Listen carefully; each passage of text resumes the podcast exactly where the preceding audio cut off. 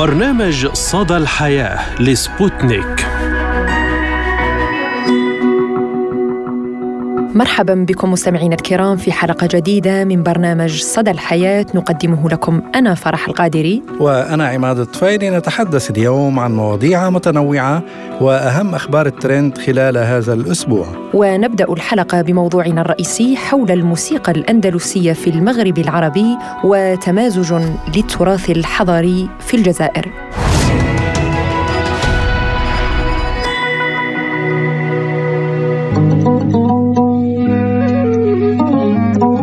توالت الحضارات والثقافات على بلدان المغرب العربي وتمازجت فيها العديد من اللغات والموروثات الثقافية والمجتمعية. وحضارة الأندلس من الحضارات التي لا تزال معالمها موجودة إلى الآن في هذه الدول من فن معماري عريق وقصور مشيدة وحمامات أندلسية قديمة وموسيقى ومعزوفات تنقل سميعيها إلى قصور ملوك ذلك الزمان. والجزائر عروس الشمال الإفريقي تمتلك ارثا موسيقيا هائلا وغنيا ومتنوعا من خلال ألحانه الأصلية الأمازيغية والعربية وألحان أندلسية أخرى. فحكايات ألف ليلة وليلة تزينت بصوت شجي وحنجرة ذهبية لمعت في سماء قسنطينة وأضاءت جسورها المعلقة التي أغرم بها كل من زارها أو مر عليها. بسم الله.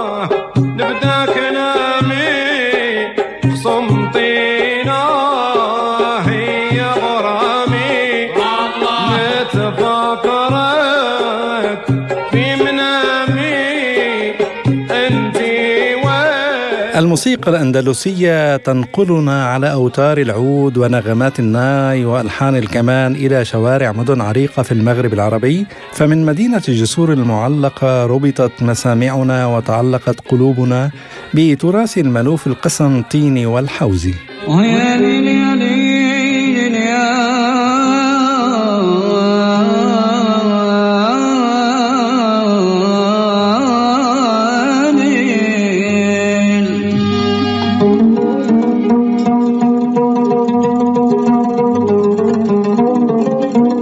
Thank you.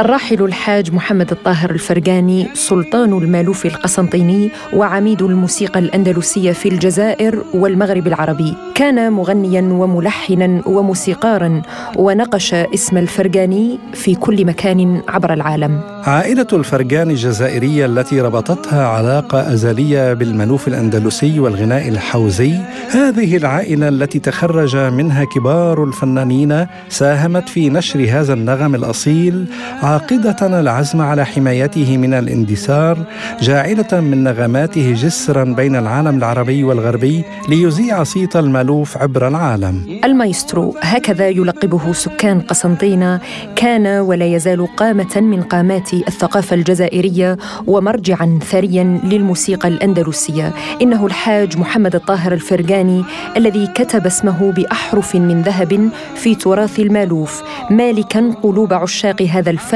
بعد حياة طويلة كرسها لهذا النوع من الموسيقى. هوية مدينة الصخر العتيق وإشراقة الغناء الجزائري عبر الزمن ورافد تراثها وأصالة تاريخها العريق. الملوف الطابع الغنائي وأحد أنواع الموسيقى المنتشرة في المغرب العربي خاصة الجزائر وتونس وليبيا وأصل الكلمة هو مألوف بتخفيف الهمزة وهو مصطلح يطلق على الموسيقى الكلاسيكية بالمغرب العربي بقسميه الدنيوي والديني متصل بمدائح الطرق الصوفية وهو لا يتقيد في الصياغة بالأوزان والقوافي المألوف الذي تناقلته عائلة الفرقاني أبا عن جد بدءا من الحاج حمو والحاج محمد الطاهر إلى ابنه الشيخ سليم فرقاني وحفيده اللذين يعتبران ورثة الحاج بعد رحيله ليستمر الحفاظ للطابع الأندلسي بطريقة توارثية ضيقة المعالم سيما مع غياب إرادة قوية لتوسيع جمعيات ثقافية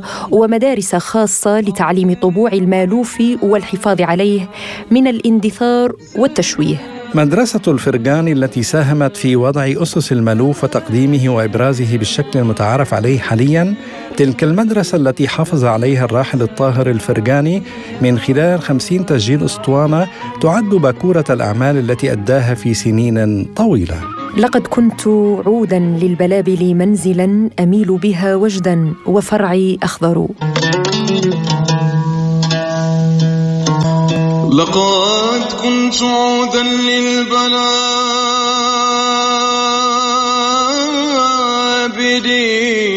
منزلا. ونستقبل معنا عبر إذاعتنا سبوتنيك اليوم ضيفا مميزا وصاحب الصوت الذهبي الفنان الجزائري القسنطيني وحفيد سلطان المالوف القسنطيني الحاج محمد الطاهر الفرقاني الفنان محمد عدلان الفرقاني. أهلا وسهلا بك الفنان عدلان وشكرا لك على تواجدك اليوم معنا في برنامج صدى الحياة. الله يعيشك وهذا شرف كل شرف لي أنا كحفيد الحاج الطاهر الفرقاني الأيقونة أيقونة المألوف العميد اللي يعني خلى يعني أثر كبير في هذا الفن. وعمل كثير من أجل هذا الفن لتوصيله إلى العالم كل نقول العالم بأسره. يعني لأنه سافر كثير وعمل عدة جولات في كل ربوع العالم.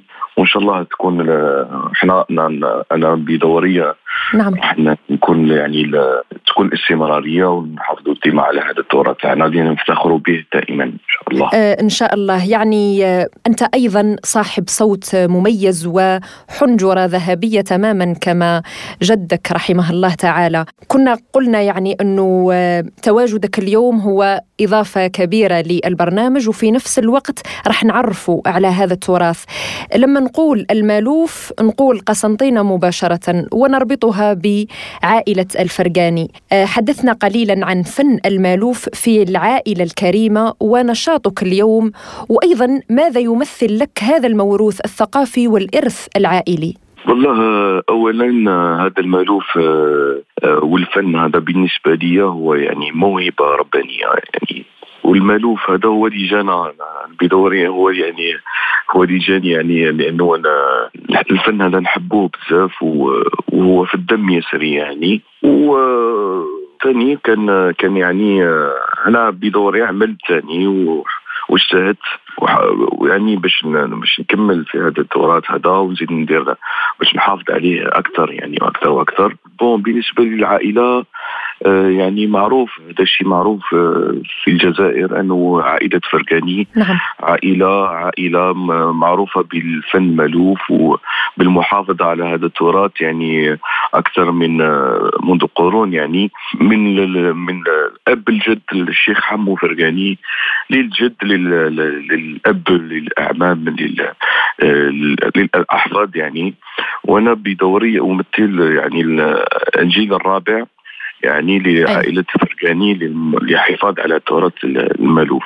القسنطيني نعم نعم حضرتك حملت مشعل جدك وعمومك وأبدعت وأطربت كل من يسمعك.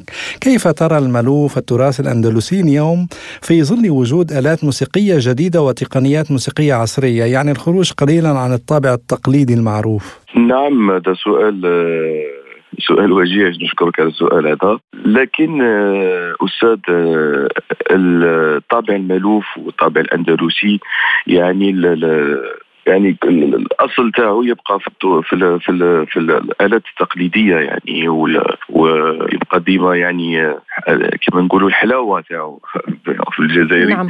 الحلاوة تاعو يعني تبقى في في, في الأصل يعني الأصل يبقى في التراث في في الآلات التقليدية الآلات الأصيلة الآلات يعني اللي معروفة بها من قبل يعني اذا إذا نزيدوا يعني آلات عصرية يعني راح يكون حنشوه حنشوه الصورة تاع المألوف الأصلي المعروف من قبل يعني. وبهذا يعني ما ما راحش نحافظوا عليه على شكله الاولي اللي آه، ممكن يعني تكون هذا الموسيقى واستخدام هذه الآلات في آه، موسيقى من نوع آخر ولكن المألوف تحديدا وحصرا لازم يكون بآلاته القديمة التي عرف بها من منذ أول ممكن معزوفة. نعم نعم بالضبط. يعني لأنه المألوف يعني الناس اللي ما على بالهاش المألوف هو النوبة يعني النوبة. النوبة هي يعني اللي تغنى في كل ساعة عندها كل ساعة كاينة النوبة المحددة لها. وهناك عدة طبوع يعني في قسنطينة كاين المالوف كاين الحوزي كاين المحجوز كاين العروبي كاين الزاجل. يعني هو تراث جد متنوع يعني في قسنطينة. والمألوف يعني هو معروف بالنوبة. النوبة اللي تتغنى يعني بالطريقة الأصلية بالآلات الأصلية القديمة المعروف بها من قبل آه، قلت أنه موهبة ربانية. آه، شو هو الشيء اللي ورثته آه، عن جدك رحمه الله من الجانب الفني والإبداعي؟ أنت كعدلان اليوم يعني كيف ترى نفسك وصورة جدك رحمه الله؟ والله يا الأخت صراحة يعني أنا حبيت الفن هذا. وبديت نتعلم في الفن هذا بلا ما يكون يعني الجد والأب ما, ما كانش في بالهم يعني أنه أنا نحب هذا الفن هذا. بديت نتعلم يعني بالخفية يعني وحدي. من بعد كان الفضل أيضا للأب تاعي نصر الدين فرقاني اللي بدأ يعلم فينا بلا أنا بديت على آلة الإيقاع. كان في عمري سبع سنوات. بديت على آلة الإيقاع بديت نتعلم يعني الدربوكة دربوكه يعني كما نقولوا كما نقولوا في القنطرة هي دربكة دربكة دربكة. إيه. نعم donc ومن بعد بديت آه، مع الأخ تاعي آه، بدأ يعلم فينا الوالد على آلة الموندولين. بديت نتعلم على آلة الدربوكة على آلة الدربوكة اللي هي الطبلة. في عمر يناهز ست سبع سنوات هكاك. نعم. من بعد بديت نتعلم مع أخي اللي علمنا الأب اللي يكون فضل الوالد. نصر الدين يعلمنا على الموندولين ومن بعد أنا بديت يعني نهز وحدي كل الآلات وبديت نتعلم عليها. ومن بعد من بعد من بعد هذا الجد المرحوم الحاج محمد فرقاني. شافني باللي عندي موهبة وشافني باللي أني عندي صوت جميل وأني قادر نوصل به يعني ونكون يعني كما يقول هو الحاج محمد فرقاني الخليفة يعني. الحمد لله كان لي نعم. شرف وسمعني الجد المرحوم وزاد علمني وزاد اعطاني وزاد اعطاني زاد اعطاني أسس وقواعد واعطاني أسرار نعم وأنا كنت يعني كنت ذكي شوية يعني كي كنت صغير كنت ذكي حاولت اني نتعلم على الجد بطريقة غير مباشرة ومباشرة في أيه. نفس الوقت. أيه. نعم أستاذ عدلان يعني ما هي العقبات التي تواجهكم اليوم يعني آه، من. أجل المحافظة على هذا النوع الراقي من هذا الفن؟ يعني العقبات هي ليس عقبات يعني لأنه أنا نظن الفن هذا لازم تحبوه ولا ما تحبوش يعني كما نقولوا في لأنه هذا تراثنا وهذا يعني الأصل تاعنا لازمنا نفتخر به اولا نعم. أنا ديما نقول لازم الشباب يعني هذا الجيل الجديد لازم يفتخر بتراثنا وبالفن الأصيل هذا لأنه هو لأنه هو البطاقه لأنه هو الهوية, الهوية تاعنا. نعم. أنا نعتبر أنه الهوية ونفتخر به لأنه فن اصيل وفن عريق يعني. بالأسف اليوم نشوف شوية الشباب مايلين لأنواع موسيقية ما نقدرش نسميوها فنون يعني أنا بالنسبة لي ما نقدرش نقول إيقاعات سريعة. نعم كاين الايقاع برك الكلام وذاك نعم. أنا بالنسبة لي ما أعتبره فن يعني. نعم ومن له ذوق في الفن لا يعتبره فن. هي مجرد يعني نعم. كلمات متراصة وموسيقى سريعة تغنى في نعم. الحفلات أو نعم. للرقص نعم. وكذا فقط يعني من الجانب النوع الرقي الفن والإبداع نتحدث نعم. عن المألوف بالنسبة بدون أن ننسى أنه المألوف فيه يعني في في الايقاع وفي الرقص أيضا وفي لكن بكلام نظيف نعم. بقصائد نظيفة وهذه كما نكمل سؤال تاع الأستاذ تفضل يعني العراقيل نلقاوها هو أنه الجيل الجديد هذا يعني شوية مايل أكثر لأنواع أخرى انواع أخرى من من الموسيقى التي هي لا تعتبر يعني موسيقى يعني راقية وموسيقى عريقة يعني نفتخر بها. لكن أنا بدوري كشاب أنا بدوري كشاب أنا أحاول أن أجبد يعني الجيل الجديد والشباب للمالوف بطريقة عن طريق الإيقاع عن طريق الأغنية الخفيفة اللي وما يمنعنيش ثاني أني نعمل يعني أغاني تخطوقات يعني فيها آلات موسيقية عصرية وهذا هذه يعني طريقة أحاول بها لإجباد لجبد يعني الشباب الشباب الجديد. آه، أشرت إلى نقطة مهمة يعني حتى أنه آه، تجذب الشباب الجديد ومواكبة كمان العصر وأذواق الناس في هذا الوقت. آه، الحفلات التي تقيمها في بلاد المهجر يعني المغتربون كما تعلم يأخذهم الشوق حينما نسمع أغنية أو موسيقى تذكرنا بالليالي في الجزائر وفي بالأعراس وبالمناسبات وكذا. آه، يعني كيف ترى أهمية إحياء هكذا حفلات لإيصال المألوف تحديدا إلى العالم كله في ظل هذا التنوع الثقافي والموسيقي عبر العالم؟ بالنسبة للحفلات التي أقيم بها في المهجر يعني أنا اليوم بعد أتكلم معكم من من من مدينة باريس نعم. فرنسا. عندي حفل إن شاء الله في الأيام القادمة. عملت يعني عدة حفلات في كندا في موريال في فرنسا في في باريس في مارسي في ليون. نعم. يعني وهذا الحفلات التي أقيم بها يعني هي مجهودات مجهودات يعني خاصة. شخصية. شخصية وهذا من طلب يعني الجمهور تاعنا ومن طلب من طلب الجالية الجزائرية والجاليه المغاربية ككل لأنه حضروا لي حضروا لي من في في المستمعين والناس اللي حضروا لي في في الحفلات تاعي كانوا من من تونس من المغرب من من كل نعم. من كل المغرب العربي وكانوا من أوروبيين اللي شافوا الفن تاعنا وعجبوا عجبهم يعني الفن تاعنا وكانوا يعني كانوا منبهرين في هذا الفن هذا وفي, الأصالة تاع الفن هذا. صحيح. وهذه طريقة أيضا لتوصيل الفن تاعنا لاخراجه من مشاغل في الجزائر من كل العالم العربي وكل العالم الأوروبي أيضا. أستاذ عدنان يعني هل الدولة تساعد أيضا في الحفاظ على الموروث العائلة الاسطوانات جدك و يعني فيما يخص موروث عائلة الفرقاني في المألوف الذي يعتبر رمز للتراث الأصيل لمدينة قسطنطينة والجزائر كلها. قسطنطينة. إن شاء الله تزورها. ويقال يعني بالمناسبة من يزور مدينة الجسور المعلقة مرة يحب يزورها كل مرة. يعني هي تعلق القلوب هذه المدينة المدينة الأصيلة. أنا أقول لكم مرحبا بكم في قسنطينة في أي وقت إن شاء الله إن شاء الله. وعندكم خوكم في قسنطينة. مرحبا بكم. شكرا. ناس الخير وناس الكرم. يعني إحنا بالتوجيه سؤال لزميل عماد حول دعم الدولة أو يعني وظيفة الدولة في هذا في الحفاظ على هذا الموروث؟ هل هناك دعم مادي أو حتى يعني ثقافي من قبل وزارة الثقافة الجزائرية للحفاظ على هذا الموروث وتأصيله في الأطر الثقافية الموسيقية في الجزائر؟ فيما يخص التسجيلات التي قام بها المرحوم الحاج المحمد الفرقاني عنده عمل يعني بزاف عدة تسجيلات اللي كانت يعني بمجهوده يعني الخاص. نعم. اولا. لأنه كان يحب الفن هذا.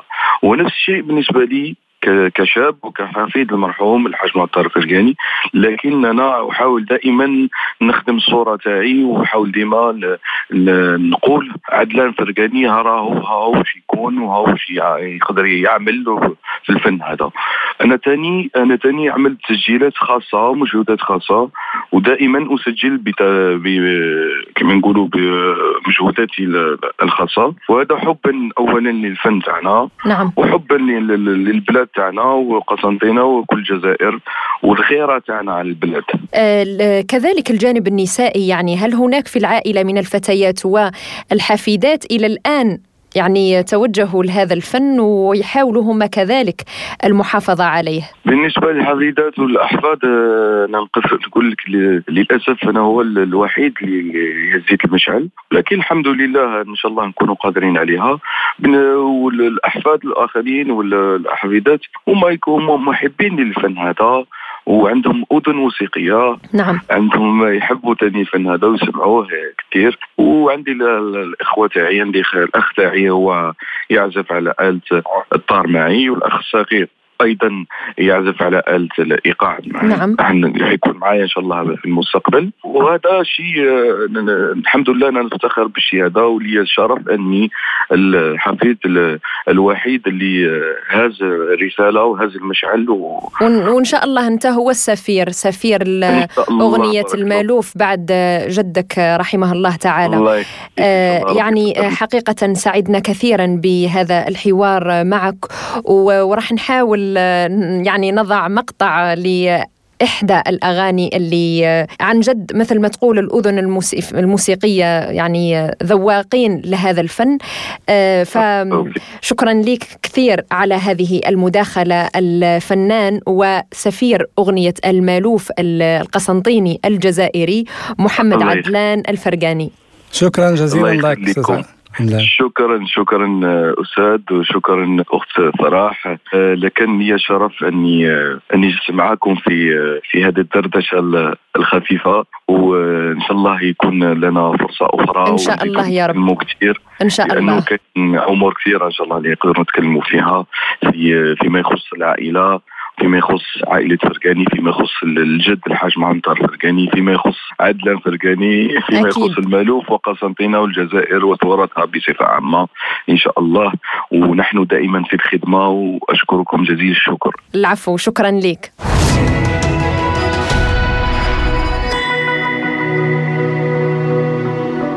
نواصل مستمعينا الكرام معكم حلقة اليوم بأهم الأخبار التي كانت ترندنج لهذا الأسبوع وما هو أول خبر لديك يا عماد؟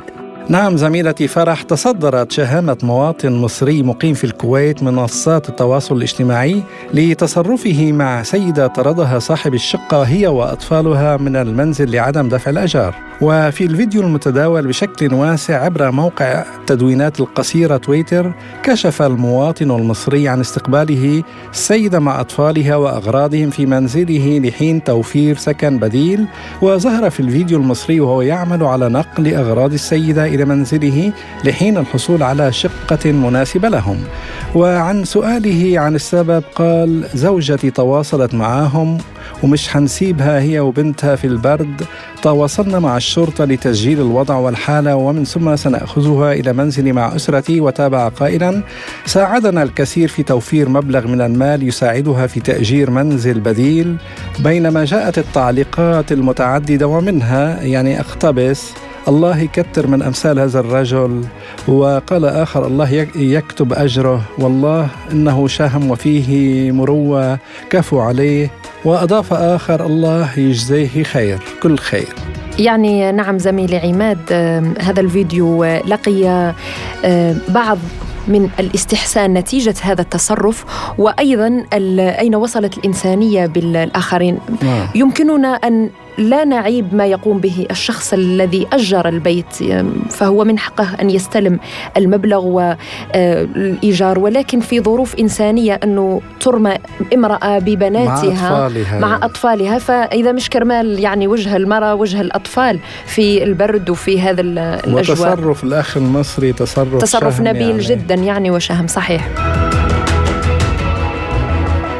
وفي خبر آخر اليونسكو تدرج آثار مملكة سبأ القديمة في اليمن في قائمة التراث العالمي. أعلنت منظمة الأمم المتحدة للتربية والعلوم والثقافة اليونسكو عن إدراج آثار حضارة مملكة سبأ القديمة في اليمن التي تعود إلى القرن الحادي عشر قبل الميلاد في قائمة التراث العالمي. وذكرت اليونسكو عبر موقعها الرسمي عبر تويتر أنها أدرجت معالم مملكة سبأ القديمة في مأرب في قائمة التراث العالمي المعرض للخطر من جانبه ذكر سفير اليمن لدى اليونسكو محمد جميح أيضا عبر تغريدة في تويتر أن المنظمة اعتمدت في دورتها الاستثنائية الثامنة عشر التي انعقدت في باريس آثار مملكة سبأ القديمة في مأرب في قائمة التراث العالمي وبارك لهذا الإنجاز الثقافي الكبير الذي كان ثمرة ثلاث سنوات من العمل على الملف في الميدان والأروقة. وتعد مملكة سبأ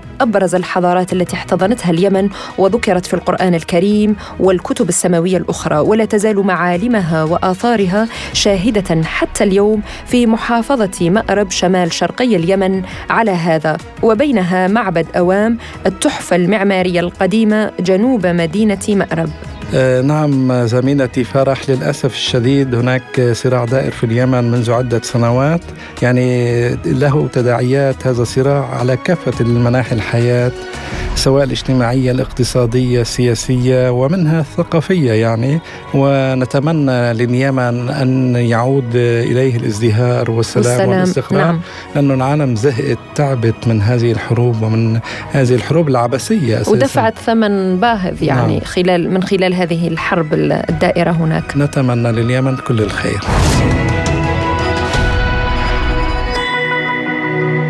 ونختم حلقة اليوم بمعلومة صحية كما عودناكم مستمعينا الكرام. الأيادي الباردة قد لا تكون فقط بسبب الطقس البارد بل إشارة لك على الإصابة ببعض الأمراض.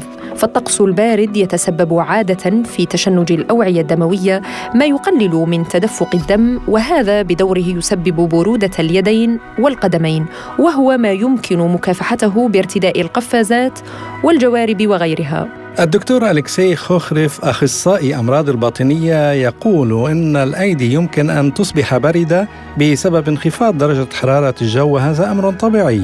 كما أن العديد من الأشخاص لديهم حساسية من أدنى تغير في الطقس. لذلك عادة ما لا يكفون عن ارتداء القفازات. وقد يكون لكل شخص معارف يشعرون بالبرد حتى في الصيف عند انخفاض طفيف في درجة الحرارة.